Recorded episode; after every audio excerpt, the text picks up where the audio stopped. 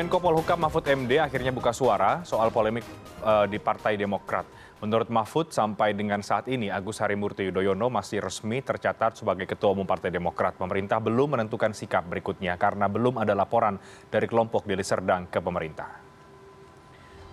Bagi Menko Polhukam, Kongres Luar Biasa Partai Demokrat di Deli Serdang tidak dapat dihalangi pemerintah sesuai dengan Undang-Undang Nomor 9 Tahun 1998 tentang kebebasan menyatakan pendapat.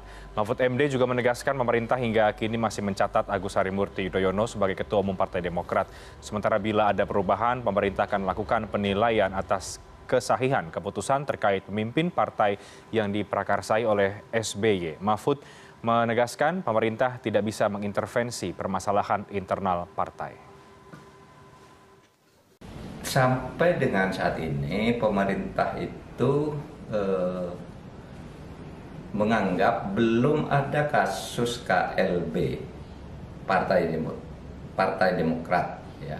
Kongres luar biasa. Karena kan kalau KLB mestinya ada pemberitahuan resmi sebagai KLB pengurusnya siapa. Sehingga yang ada di e, misalnya di Medan itu kita anggap ya sebagai temu kader yang itu tidak bisa dihalangi. Pemerintah kita tidak bicara sah dan tidak sah sekarang karena bagi pemerintah belum ada secara resmi laporan tentang KLB itu. Jadi tidak ada masalah hukum sekarang. Pengurusnya yang resmi di kantor pemerintah itu adalah AHY. Ya, AHY eh, Putra Susilo Bambang Yudhoyono. Ya, bola panas politik pasca KLB Partai Demokrat terus bergulir. Kubu Demokrat AHY bahkan menduga Presiden mengetahui rencana KLB Muldoko. Dan saat ini pun juga mulai muncul desakan agar Muldoko mundur dari jabatannya eh, seiring dengan manuver politiknya. Bagaimana sebetulnya istana menyikapi polemik yang terjadi dan bagaimana ujung dari uh, konflik terkait dengan kepemimpinan di partai politik Partai Demokrat, terutama pasca KLB di Deli Serdang, Sumatera Utara. Mari kita akan coba bahas dan dalami pada malam hari ini di Newscast bersama dengan tiga narasumber yang bergabung. Ada Bang Ali Mohtar Ngabalin, tenaga ahli utama dari kantor staf kepresidenan. Selamat malam, Bang Ngabalin. Ya, selamat malam, Renhat. Baik, ada Bang Herman Hairon, Ketua BPOKK Demo, Partai Demokrat. Selamat malam, Bang Herman. Selamat malam, Assalamualaikum. Dan ada Mbak Siti Zuro, analis politik dari LIPI. Mbak, Mbak Wiwi, selamat malam Mbak Wiwi, apa kabar? Alhamdulillah baik, selamat malam Mas Reinhardt. Baik, saya akan ke Bang Abalin dulu. Uh, berhubung istana minim uh, ada suaranya kita dengar terkait dengan polemik uh, di Partai Demokrat ini, apalagi pasca KLB ya Bang Abalin.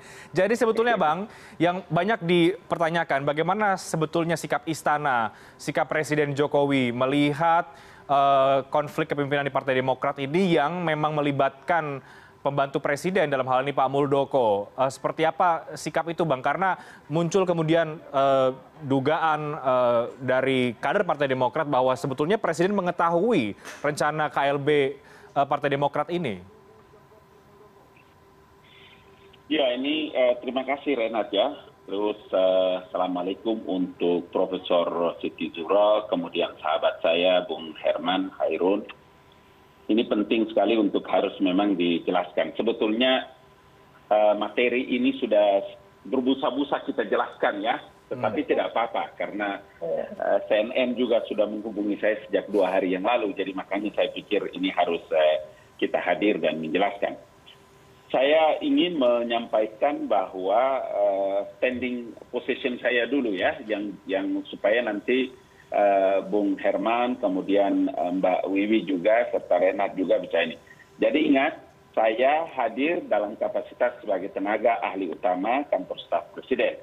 Kemudian menjelaskan hal-hal yang terkait dengan kalau-kalau, ya, kalau-kalau ya Uh, menyeret masalah ini kepada Bapak Presiden atau Joko Widodo sehingga saya harus melakukan klarifikasi. Hmm. Nah, terkait dengan apa yang ditanyakan oleh Reinhardt dalam posisi ini saya pikir ya dan ini sudah saya pikir bukan lagi hal yang baru, tetapi kita harus mengatakan bahwa posisi yang harus dilihat ketika Pak Muldoko mengambil keputusan setelah diminta, setelah didatangi, kemudian setelah di Eh, apa namanya gadang gadang lah gitu maka keputusan yang beliau ambil ini adalah terkait dengan keputusan pribadi. Okay. Karena itulah maka di banyak hal, banyak tempat dan banyak kesempatan saya selalu bilang supaya bolehkah uh, kita tidak membawa-bawa dan tidak menyeret-nyeret nama Bapak Presiden eh, dalam hal eh, eh, KLB maupun dalam hal apa namanya eh,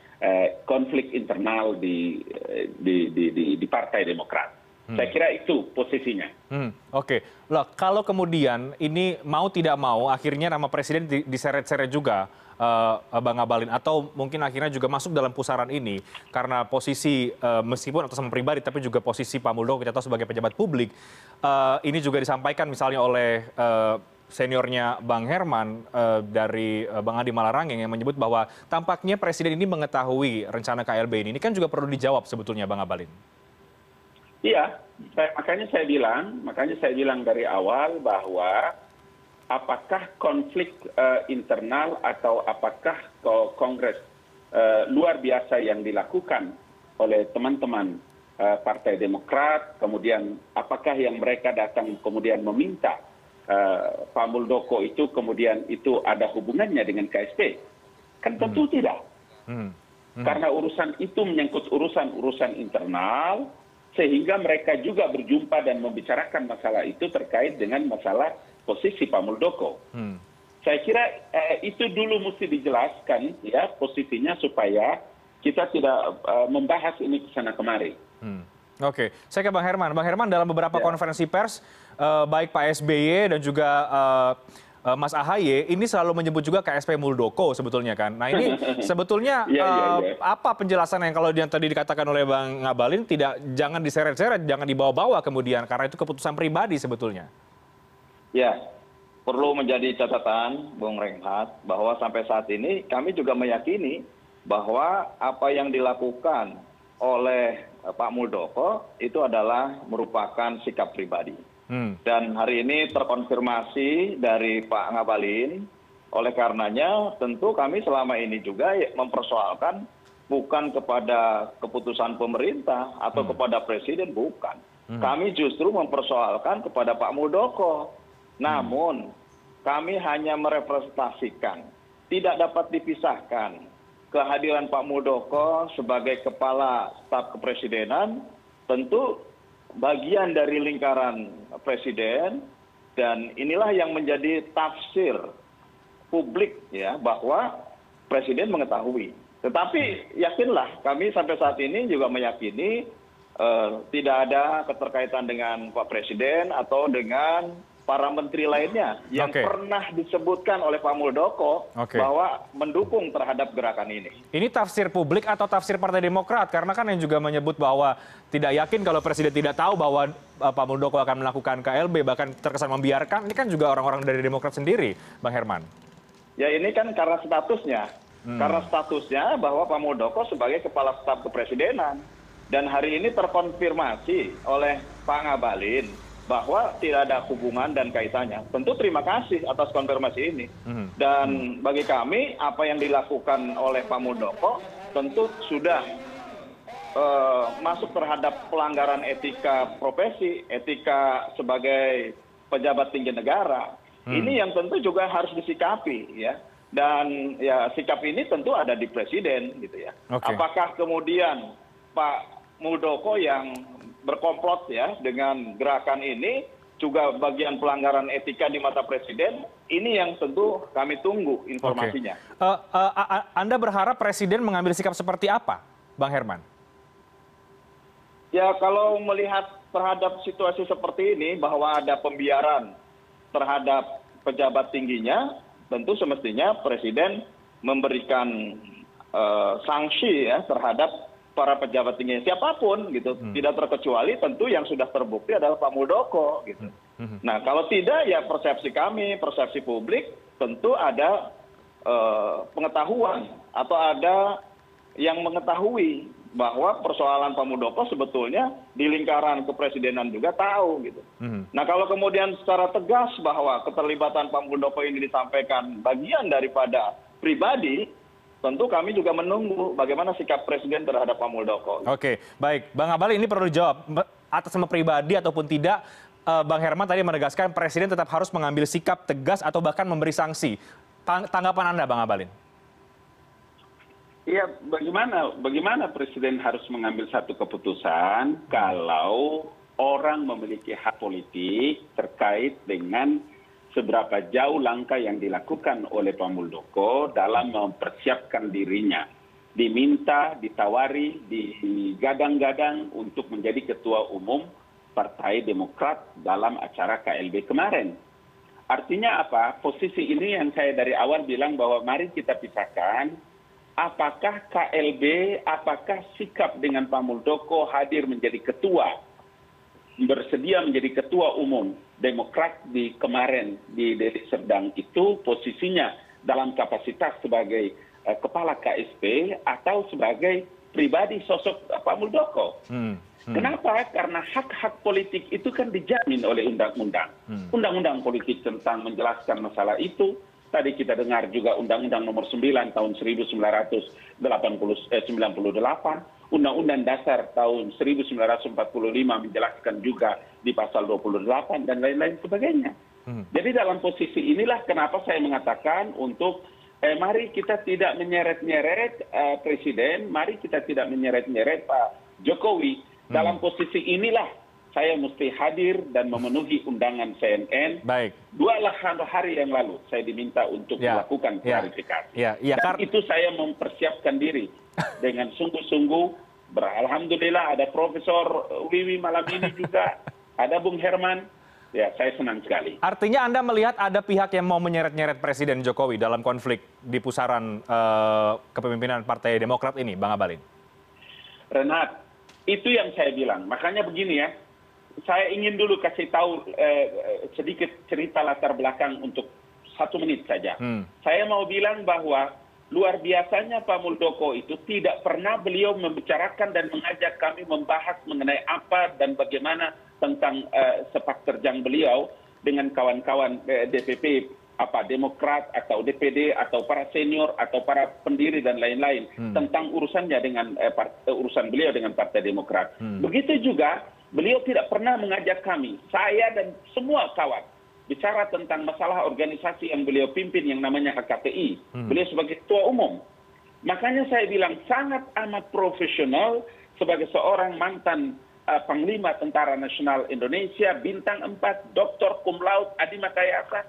Jadi beliau tahu secara proporsional. Hmm. Mustahil bagi seorang Eh, jenderal tni purnawirawan muldoko dalam mengambil satu keputusan yang begitu penting beliau tidak punya kalkulasi yang jelas. Oke. Ini yang Baik. saya kira mesti kita harus jernih dan melihat secara benar agar kita tidak boleh memberikan satu pernyataan atau statement yang bisa merugikan ya. diri kita dan orang lain. Oke, Bang Herman sedikit Bang Herman tanggapan.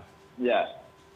Ya persoalan lain Pak Ngabalin bahwa bukan hanya persoalan uh, hak terhadap siapa pun untuk turut serta di dalam dunia politik gitu ya. Tetapi ada cara-cara yang tentu ini dilakukan secara ilegal. Bahwasanya kemudian ada pertemuan politik yang dianggap sebagai KLB, lantas kami menganggap ini sebagai KLB ilegal. Hmm. Karena tidak memenuhi syarat-syarat terhadap dilaksanakannya KLB. Hmm. KLB harus dilaksanakan oleh Dewan Pimpinan Pusat. Ini siapa yang melaksanakan tidak pernah jelas. Kemudian ada prasyarat harus diusulkan oleh dua per tiga dpd suara dpd lima puluh persen suara dpc dan tentu mendapatkan persetujuan dari majelis tinggi partai ini syarat syarat yang tidak dipenuhi dan bahkan terindikasi banyak penipu pemalsuan terhadap utusan-utusan yang hadir di sana. Oke. Nah maksud saya, jika kemudian bahwa dikaitkan dengan etika jabatan, bahwasannya tadi dikatakan eh, kesempatan untuk berpolitik dijamin oleh undang undang tetapi ini ada persoalan lain bahwa ini dilakukan secara ilegal kemudian ini diambil dan sampai saat ini melekat jabatan di Pak Muldoko menurut saya ini menjadi menjadi rancu dan saya kira presiden harus mengambil sikap terhadap pelanggaran etika jabatan ini. Oke, baik. Mari kita bahas soal etika politik dan juga hak politik ya. Uh, apakah ini hanya sekedar di sana uh, perdebatannya soal ya ini soal etika, ini juga hak politik dari seseorang, atau ada hal substansi lain sebetulnya Mbak Wiwi, Prof. Siti Zuro, dari polemik yang terjadi di Partai Demokrat yang kemudian juga kita tahu di, ada KLB dilakukan oleh uh, kubu yang dipimpin oleh uh, Pak Muldoko. Dijawabkan nanti Mbak Wiwi, kita break terlebih dahulu, kami akan segera kembali. Saat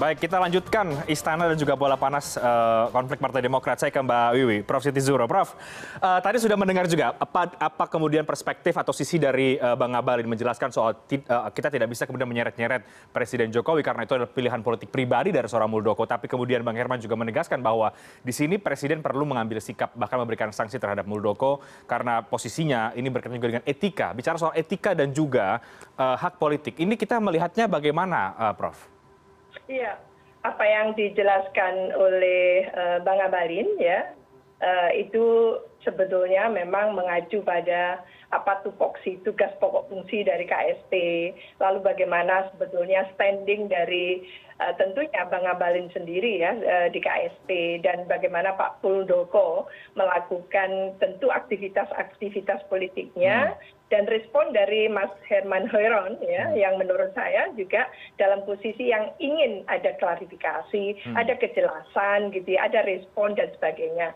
saya ingin melihat khususnya dalam konteks pak muldoko ini dari perspektif pemerintahan hmm. etika birokrasi etika pemerintahan itu bahwa pada diri Pak Muldoko tidak bisa hanya dilihat sebagai individu Pak Muldoko, tapi okay pak muldoko sedang menjalankan fungsi sebagai ksp satu jadi hmm. kepala ksp yang di situ adalah pembantu presiden langsung hmm.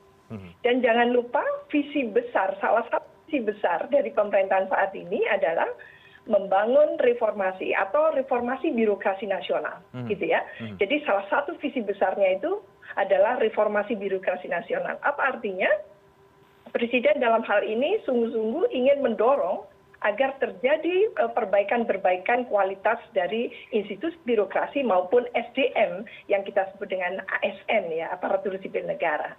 Dalam konteks ini sebetulnya siapa pun masuk di birokrasi apakah itu politisi gitu ya eh, itu ketika apa ya kita sebut dengan where does politics stop gitu ya and administration begin. Jadi ketika politiknya selesai administrasi yang jalan gitu. Hmm ini tidak boleh dicampur aduk gitu. Hmm. etikanya seperti itu. Etika hmm. pemerintahan. Bahkan di amerika itu ada bill of government ethics jadi hmm. ada undang undang etika pemerintahan di situ.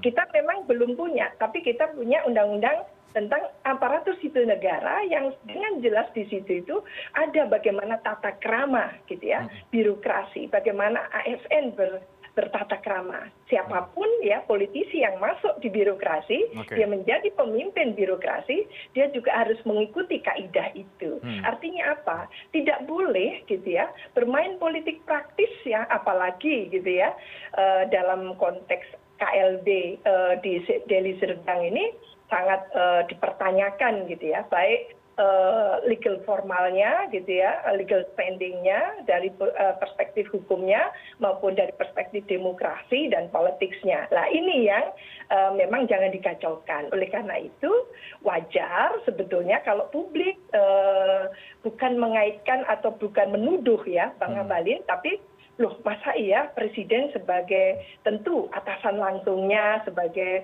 pimpinannya di mana pak muldoko itu adalah pembantunya tidak mengetahui itu tidak hmm. boleh sebetulnya harus melaporkan kan gitu ya hmm. sebagai bawahan apalagi aktivitas yang berkaitan dengan politik praktis jangan lupa di periode pertama Pak Jokowi itu bahkan tidak mengizinkan ketua umum ya. partai masuk di kabinet ya. gitu kan? Tapi kan yang sekarang kan tidak ada aturan itu lagi eh, iya. Jadi sebetulnya ada idealisme dari Pak Jokowi saya ingin mengatakan itu. Nah baru uh, di periode kedua ini kelihatannya uh, agak longgar gitu ya sehingga dibolehkan gitu. Itu pun uh, harus absah lah. Sekarang ini adalah permasalahan yang serius gitu loh.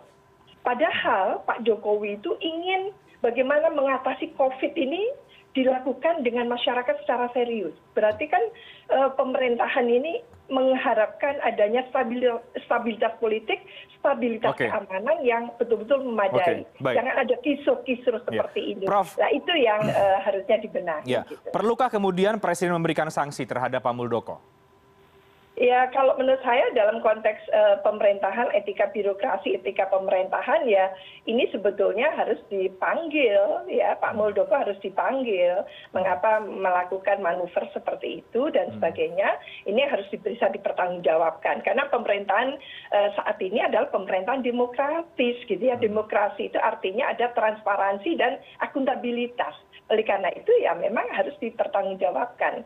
Eh, sehingga publik juga tidak lalu menyeret-nyeret apalagi menuduh-nuduh Pak Jokowi terlibat langsung dan sebagainya padahal tidak tahu kan gitu. Nah, atau bahkan tidak cawe-cawe tentang itu. Tapi salah besar juga Pak Jokowi kalau gitu ya sudah menyeret seperti ini lalu ada pembiaran ini yang harus ditanggapi secara tangkas oleh Pak Jokowi supaya tidak meluas ke mana-mana sementara kita ini punya permasalahan yang pelik ya untuk mengatasi COVID-19 gitu. Hmm. Bagaimana ditambah lagi ketidakpastian politik nanti karena bagaimanapun juga ini akan menjadi presiden buruk dan bisa jadi bola liar untuk terjadinya gitu ya ketidakpuasan ke- bahkan nantinya eh, kekecewaan ya yang kolektif di masyarakat karena ada mosi tidak percaya kepada pemerintah karena persoalan-persoalan yang seperti ini. gitu.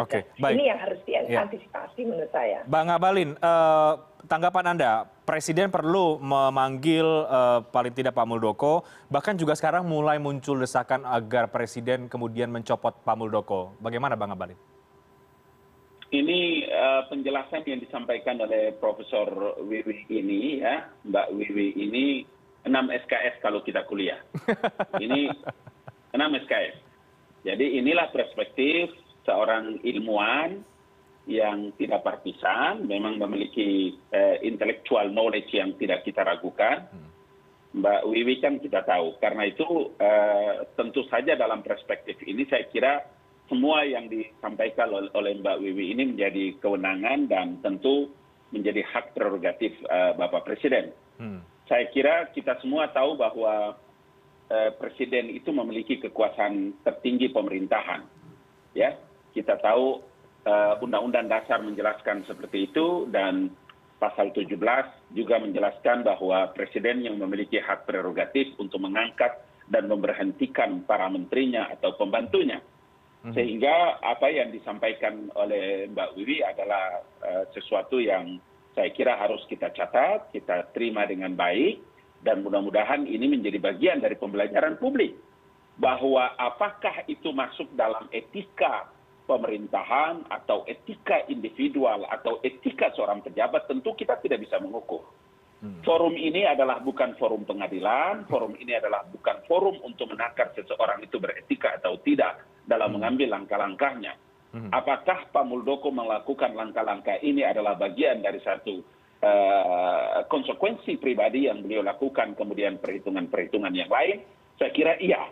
Tidak mungkin bagi seorang mantan Panglima Tentara Nasional Republik Indonesia, kemudian Jenderal Bintang 4, ya, Doktor Kum Laut, Ade Makayasa, usianya malang melintang dengan prestasi-prestasi yang sangat gemilang.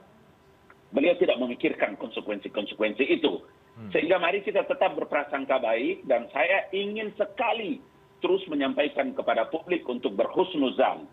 Jangan pernah untuk kita merasa bahwa kita jauh lebih hebat kemudian dalam posisi seperti ini, kemudian kita menyeret-nyeret orang lain. Apakah itu Pak Muldoko, apakah itu Presiden?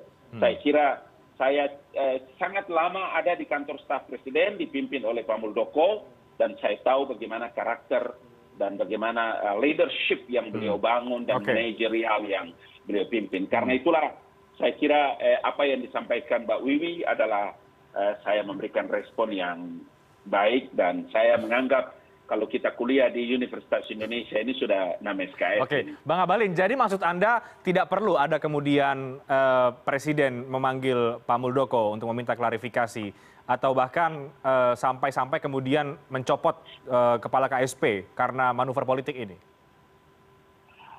Eh, b- tentu saja saya tadi bilang ya, di pasal 4 Undang-Undang Dasar 1945 tadi saya bilang, Presiden memiliki kekuasaan pemerintahan, dan tentu saja ini ranah yang susah saya masuk.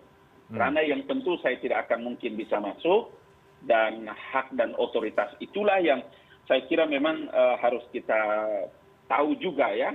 Jadi kalau di Undang-Undang Dasar itu kan dijelaskan dengan rinci, kemudian undang-undang turunannya juga ada. Sehingga mari kita serahkan ini, kalau ketika Renhat menanyakan itu, saya jujur, saya tidak akan mungkin mampu bisa menjawab. Hmm. Karena hak hak prerogatif itu ada pada Bapak Presiden.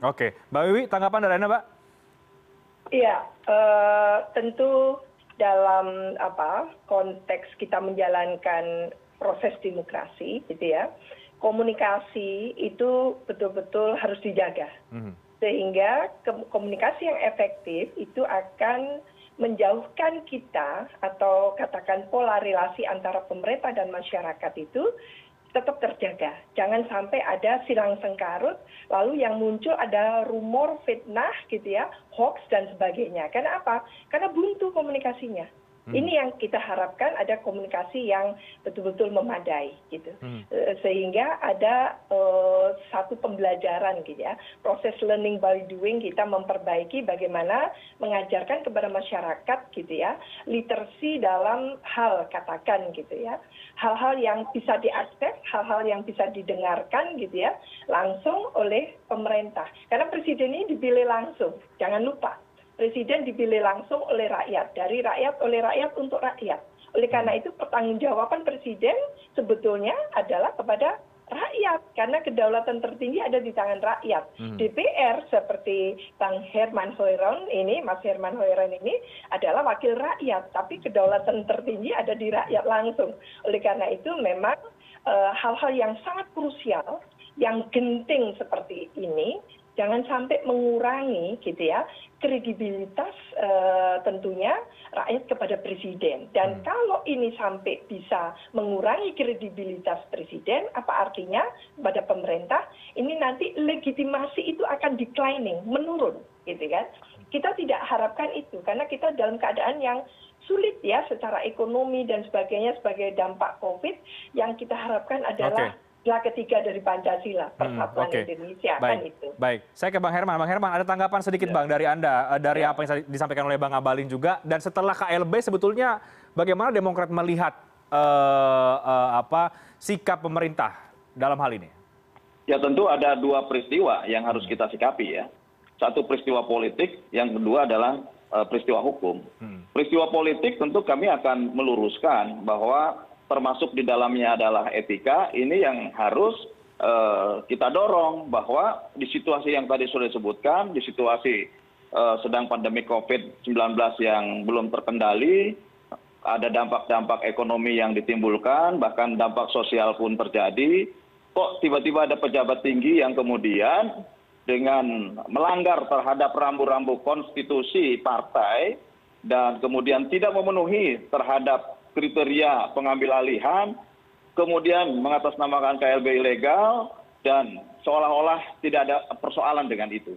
Padahal ini sangat banyak persoalan. Yang kedua tentu dengan peristiwa hukum. Ini yang tentu kami juga akan terus mengikuti ya peristiwa hukum ini dengan cara-cara hukum. Hmm. dan kami juga tadi sudah mendatang, uh, mendatangi Dirjen AHU ke Kementerian Hukum dan HAM untuk juga memenuhi terhadap kriteria hukum yang berlaku terhadap partai politik.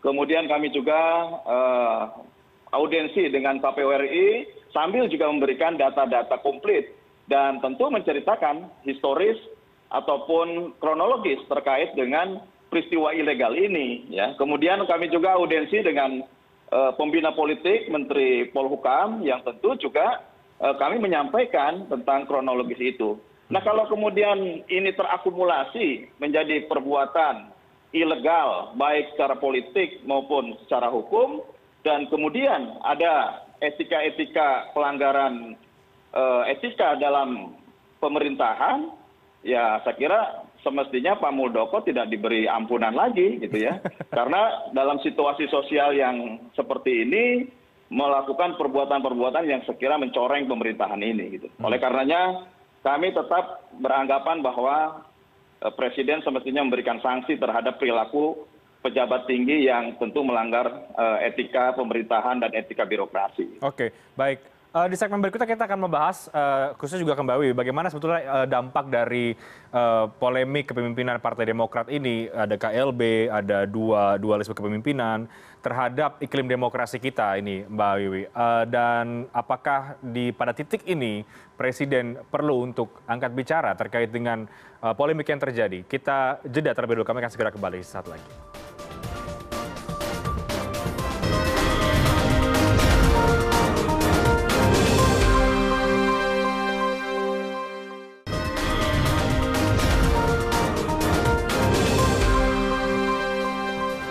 Baik saya akan ke mbak wiwi. Mbak wiwi sebetulnya kalau anda melihat ya dari uh, polemik yang terjadi di partai demokrat ini uh, apakah ini memang satu kita bisa melihat sebagai ada potensi atau dugaan arogansi kekuasaan misalnya? Ada sosok eksternal yang kemudian uh, masuk ke dalam uh, urusan partai orang lain? Atau memang ada problematika uh, sendiri di internal partai Demokrat, Mbak Wiwi? Iya, uh, pertama ya menurut saya tidak bisa dijelaskan dengan single factor gitu ya, hmm. faktor tunggal gitu ya.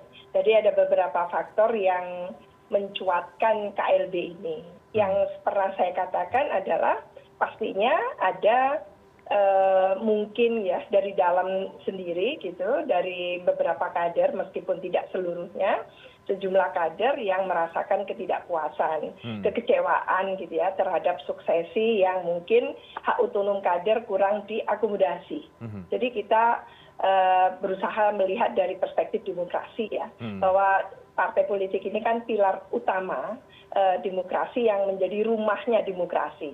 Ya, mestinya memang diberikan peluang itu untuk adanya kontestasi siapa kader kader yang the best gitu yang memiliki kualifikasi silahkan saja berkontestasi. Nanti kan yang muncul satu. Tidak mungkin semuanya yang menangkan gitu. Nah ini yang tidak ditradisikan oleh partai-partai politik. Hmm. khususnya dalam konteks uh, apa partai demokrat ini. Lalu yang muncul adalah nuansa seolah-olah ini ditarik ke dinasti politik. Itu hmm. masalahnya. Sehingga uh, kader-kader yang sudah mungkin uh, apa berikhtiar besar gitu ya Eh, ikut mendedikasikan dirinya untuk kemajuan eh, demokrat partai demokrat dan sebagainya itu lalu merasa terpinggirkan dan eh, tidak apalagi sekarang eranya milenial gitu ya dengan dipromosikannya Mas Ahaye dan orang-orang muda kan gitu. Hmm, nah hmm. itu terpinggirkan orang-orang yang mungkin sudah berjibaku yang luar biasa di demokrat dan sebagainya. Hmm. Itu perkiraan publik tentunya ya. Uh, sementara di eksternal sendiri tidak semuanya happy dengan demokrat gitu kan hmm. lah ini gayung bersambut akhirnya gitu cuman kita sayangkan ya meskipun klb itu bukanlah barang haram gitu ya dan pernah berlangsung berkali-kali di partai-partai lain juga gitu ya. tapi kali ini kita melihat yang tidak lazim itu aja hmm. masalahnya hmm. hmm. pendekatan nah, kekuasaan yang tidak itu, lazim ini dampaknya apa uh, prof terhadap iklim demokrasi kita ya tentu ini kalau kita ngom, uh, berbicara agak agak lugas gitu ya lebih straightforward gitu demokrasi is dead gitu ya hmm. matinya demokrasi hmm. karena law enforcement itu sudah ditabrak begitu saja dan tidak tanggung tanggung yang nabrak itu adalah di lingkaran istana kan gitu. Hmm. Jadi pendekatan kekuasaan itu sudah welo-welo, tidak tidak pakai tedeng aling-aling. Lah ini yang terbaca oleh publik ini mohon maaf saya hmm. harus sampaikan seperti itu. Hmm. Nah ini bagi pegiat demokrasi, bagi akademisi, intelektual, aktivis, civil society, ini betul-betul mengganggu gitu ya, hmm. mengganggu uh, apa berpikir mereka yang selama ini demokrasi tidak seperti ini kan gitu. Hmm. Nah ini yang harusnya kita tegakkan. Gitu. Okay. Kita jalannya kan sudah 23 tahun. Masa kita tarik begitu saja mundur semundur-mundurnya kan hmm. gitu. Hmm. Tentu kita tidak rela gitu ya Indonesia menjadi setback dalam menjalani demokrasi seperti ini. Okay. Ini yang uh, ketidaklaziman apa intervensi gitu ya kekuasaan karena pendekatannya beliau adalah komandan di KSP kan gitu. Hmm. KSP ini luar biasa di istana banget kan gitu ya. Hmm. Dan ini langsung menyentuh uh, posisinya Pak Jokowi. Lah tentu hmm. kita juga tidak rela gitu ya bahwa eh, Pak Jokowi gitu ya harus dikait-kaitkan dan sebagainya. Tidak boleh. Oleh karena itu memang harus ada standing yang jelas Hmm. secara hukum sehingga masyarakat itu tidak menduga-duga jangan dibiarkan dugaan-dugaan ini liar nantinya Oke. kan Per- itu. Perlukah Presiden bicara, eh, Mbak Wiwi? Ya. Perlukah Presiden bicara dalam hal ini? Eh, menurut saya kalau sudah diwakili oleh Pak Menko Polhukam, Pak Menko Polhukam dalam hal ini harus memberikan satu standing atau statement Hmm. yang sangat eh, apa ya memberikan kepastian gitu ya. Hmm. Beliau kan pakar hukum, ahli hukum, mantan ketua Mahkamah Konstitusi gitu ya, dan sangat kritis orangnya. Jadi menurut saya tidak mungkin dia itu menutup mata terhadap praktek-praktek yang tidak benar secara hukum tentunya kan Hmm. gitu. Uh, oleh karena itu makanya statementnya itu sangat uh, apa dalam koridor hukum. Uh, tapi memang agak masih agak normatif. Tapi tentunya yang seperti ini harus uh, tangkas ya. Eh, tentu pemerintah khususnya di bawah tadi itu Ustadz Ngabalin mengatakan bahwa presiden ini adalah penguasa tertinggi di bidang eksekutif gitu ya. Oleh karena itu hal-hal yang berkaitan dengan uh, pemerintahan, dengan eksekutif tadi itu menjadi ranahnya, tanggung jawabnya. Dan beliau memang adalah presiden di mana Pak Muldoko adalah pembantunya kan gitu.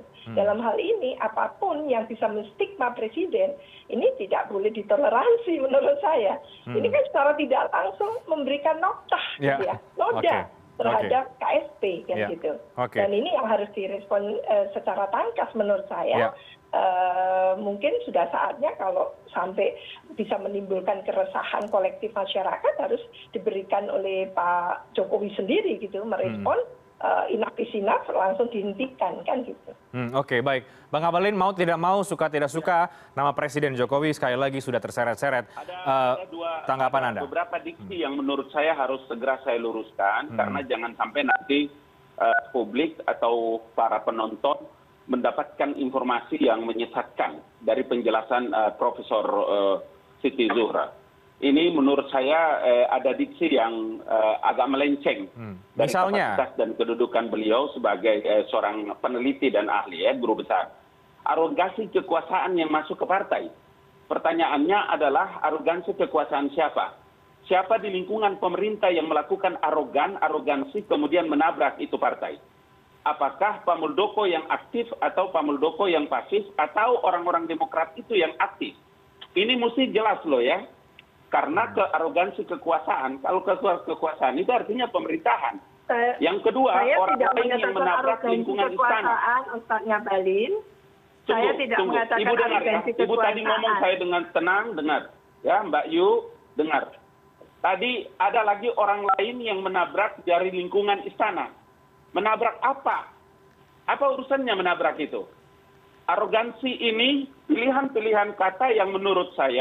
Tidak bagus. Yang ketiga, intervensi dari komandan di istana. Tidak boleh. Menurut saya sebagai seorang peneliti dari LIPI, sebagai seorang profesor doktor, saya tadi bangga-banggakan loh Mbak Wiwi. Tapi kalau Mbak Wiwi menggunakan diksi-diksi seperti ini, maka saya harus lakukan klarifikasi. Karena menurut saya ini akan merusak, merusak publik ketika men- menyaksikan eh, eh, apa eh, dialog kita pada malam hari ini. Arogansi siapa yang melakukan arogansi? Pakai uang, pakai kekuasaan, pakai tentara, pakai polisi, atau orang-orang Demokrat yang aktif yang datang kepada beliau. Ingat, saya dari awal mengatakan bahwa saya bukan juru bicara Muldoko. Ya, itu supaya ibu tahu dan jangan sampai nanti menggunakan diksi-diksi atau merupakan orang lain yang melabrak dari lingkungan istana. Awal-awal sudah kita katakan bahwa apa yang diambil oleh Pak Muldoko ini adalah sebuah keputusan pribadi. Intervensi apa yang dilakukan? Apakah ada orang-orang pemerintahan atau ada orang-orang dari KSP yang mengikut serta Pak Muldoko hadir di KLP? Di KLB tidak jawabannya. Di situ menurut saya ada satu pernyataan yang menyesatkan publik, Profesor Zuhri. Silakan Mbak Gitu. Wiwi ditanggapi Mbak.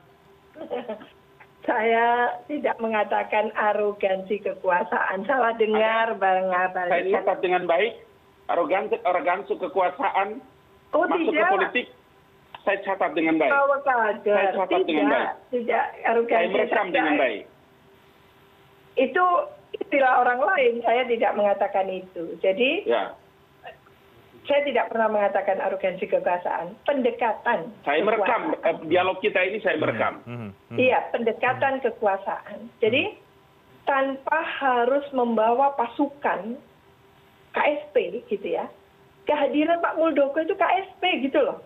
Publik itu menerjemahkan itu. saya kasih tahu ya, Muldoko datang dengan biaya sendiri, meninggalkan ajudan, tidak dikawal, naik mobil umum dengan secara pribadi. Seluruh keputusan dan langkah yang, dia laku, yang dilakukan oleh Pak Muldoko adalah langkah-langkah pribadi. Jangan ibu ikut-ikut SBY, KSP Muldoko, KSP Muldoko. Nanti ibu jadi partisan. Ingat Jangan itu. salah. Bang Abalin saya ini SBY hater ini. Mhm. Boleh dibuka Google ya. Saya Oke. ini termasuk Ya, saya cuma kasih tahu Saya itu aja. kritis pada Kalau ibu pemerintahan Pak menggunakan diksi dan narasi yang berbeda, Baik. itu Iya. nanti bisa menyesatkan publik. Enggak. Itu sebabnya Kan saya harus hadir untuk saya bisa melakukan tadi, klarifikasi. Pak Ustadz ngabalin, saya awali tadi bahwa KLB itu biasa di partai-partai juga pernah KLB. Kali Oke. ini siapa pun mengatakan KLB-nya kok aneh, kok tidak lazim, kan itu. Mhm. Kenapa? Ada kehadiran Pak Muldoko sebagai non kader, gitu kan? Hmm. Lalu menjadi Oke. ketua umum Baik. tanpa harus jadi eh, anggota dulu. Terus hukum, eh, saya bukan orang hukum, tidak eh, berargumentasi hukum. Hmm. Itu saja. Mhm. Lah, lalu bagaimana eh, respon dari tentunya pemerintah dalam hal ini, Eh, Pak Pak MD apa eh, Pak Mahfud MD? Menko Polhukam sudah memberikan respon. Responnya Oke. sangat menyejukkan. Baik. Sama, eh, saya sangat menghormati argumentasi dari Ustadz Ngabalin. Oke, Tentu baik. saya sangat menghormati eh, sama sekali. Tapi Hmm. izinkan saya juga melihatnya dari perspektif birokrasi Oke. yang menjadi juga visi besar dari Pak Jokowi Oke. dan sangat serius saya ini di Kemenpan juga loh gitu ya Mhm. sebagai tim TQA gitu ya Oke. tim quality assurance untuk di eh, apa Kemenpan Hmm, itu oke. dan saya tahu bagaimana upaya dari Kemenpan untuk terus memajukan birokrasi Mhm. gitu kan dengan esolonisasi yang dipangkas dengan eh, pembubaran institusi yang tidak relevan tidak signifikan dan sebagainya untuk efisiensi termasuk bagaimana mindset cultural set dari para birokrat Baik. tingginya juga gitu Baik, ya Mbak Wiwi. dibenahi itu Ya, oke baik. Terima kasih Mbak Wiwi dan juga Bang Abalin. Saya ke Bang Herman dulu. Bang Herman, eh, terakhir berarti ke Anda. Ini kemudian kita tahu semua ada di bawah Kemenkumham. Kedua kubu juga sudah akan melaporkan SK masing-masing eh, di Kemenkumham. Eh, dari kubu Anda seperti apa? Juga mungkin ada yang ingin Anda tanggapi dari apa yang sudah kita diskusikan? Ya, saya kira kalau Ketua Umum AHY dan ADRT Partai Demokrat yang berlaku saat ini adalah yang sudah tercatat dalam lembaran negara, ya inilah yang sah dan legitimit. Hmm. Tetapi tadi ya saya sedikit ya sedikit belok mungkin Pak Renhat terkait dengan eh, bagaimana kemudian seolah-olah kita tidak harus mengecap atau memberikan label bahwa Pak Muldoko itu adalah bagian dari pemerintah. Ya Pak Muldoko masih kepala staf kepresidenan. Ini nggak bisa dilepaskan.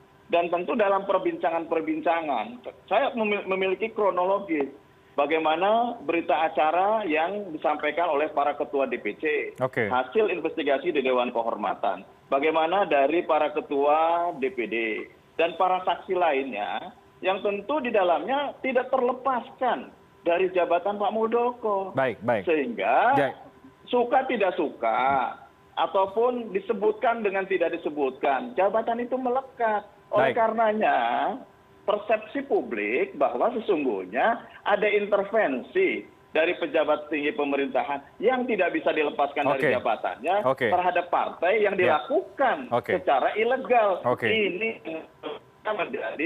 Eh, persoalan Ya. menabrak terhadap etika birokrasi dan etika terhadap pejabat tinggi negara. Baik, baik, baik. Terima kasih banyak Bang Herman. Kita akan melihat bagaimana ini kemudian akan bergulir ke depan eh, polemik ini. Kita akan nantikan seperti apa. Sekali lagi terima kasih Bang Abalin, eh, Mbak Wiwi. Halo, bisa. Oke, terima kasih, terima terima kasih, terima banyak kasih, terima untuk kasih. diskusi yang sangat menarik pada malam hari ini. Terima kasih Bapak Ibu. Sehat selalu. Terima kasih. Satuan Tugas Operasi Madagoraya menemukan lokasi persembunyian kelompok teroris Mujahidin Indonesia Timur. Kami akan segera kembali dengan informasinya sesaat lagi.